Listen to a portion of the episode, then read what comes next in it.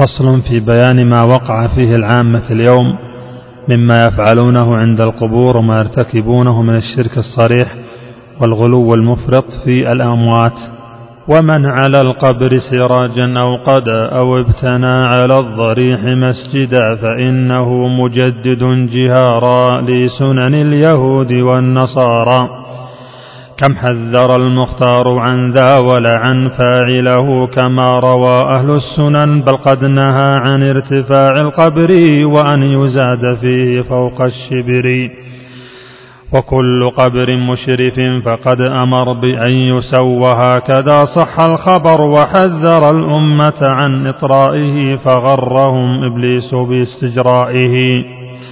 فخالفوه جهرة وارتكبوا ما قد نهى عنه ولم يجتنبوا فانظر إليهم قد غلوا وزادوا ورفعوا بناءها وشادوا بالشيد والأجر والأحجار لسيما في هذه الأعصار وللقناديل عليها أوقدوا وكم لواء فوقها قد عقدوا ونصبوا العلام والرايات وافتتنوا بالأعظم الروفات بل نحروا في سواحي النحائر فعل أولي التسييب والبحائر.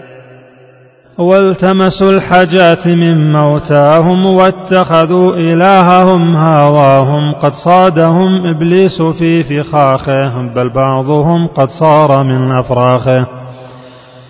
يدعو إلى عبادة الأوثان بالمال والنفس وباللسان فليت شعر من أباح ذلك وأورط الأمة في المهالك.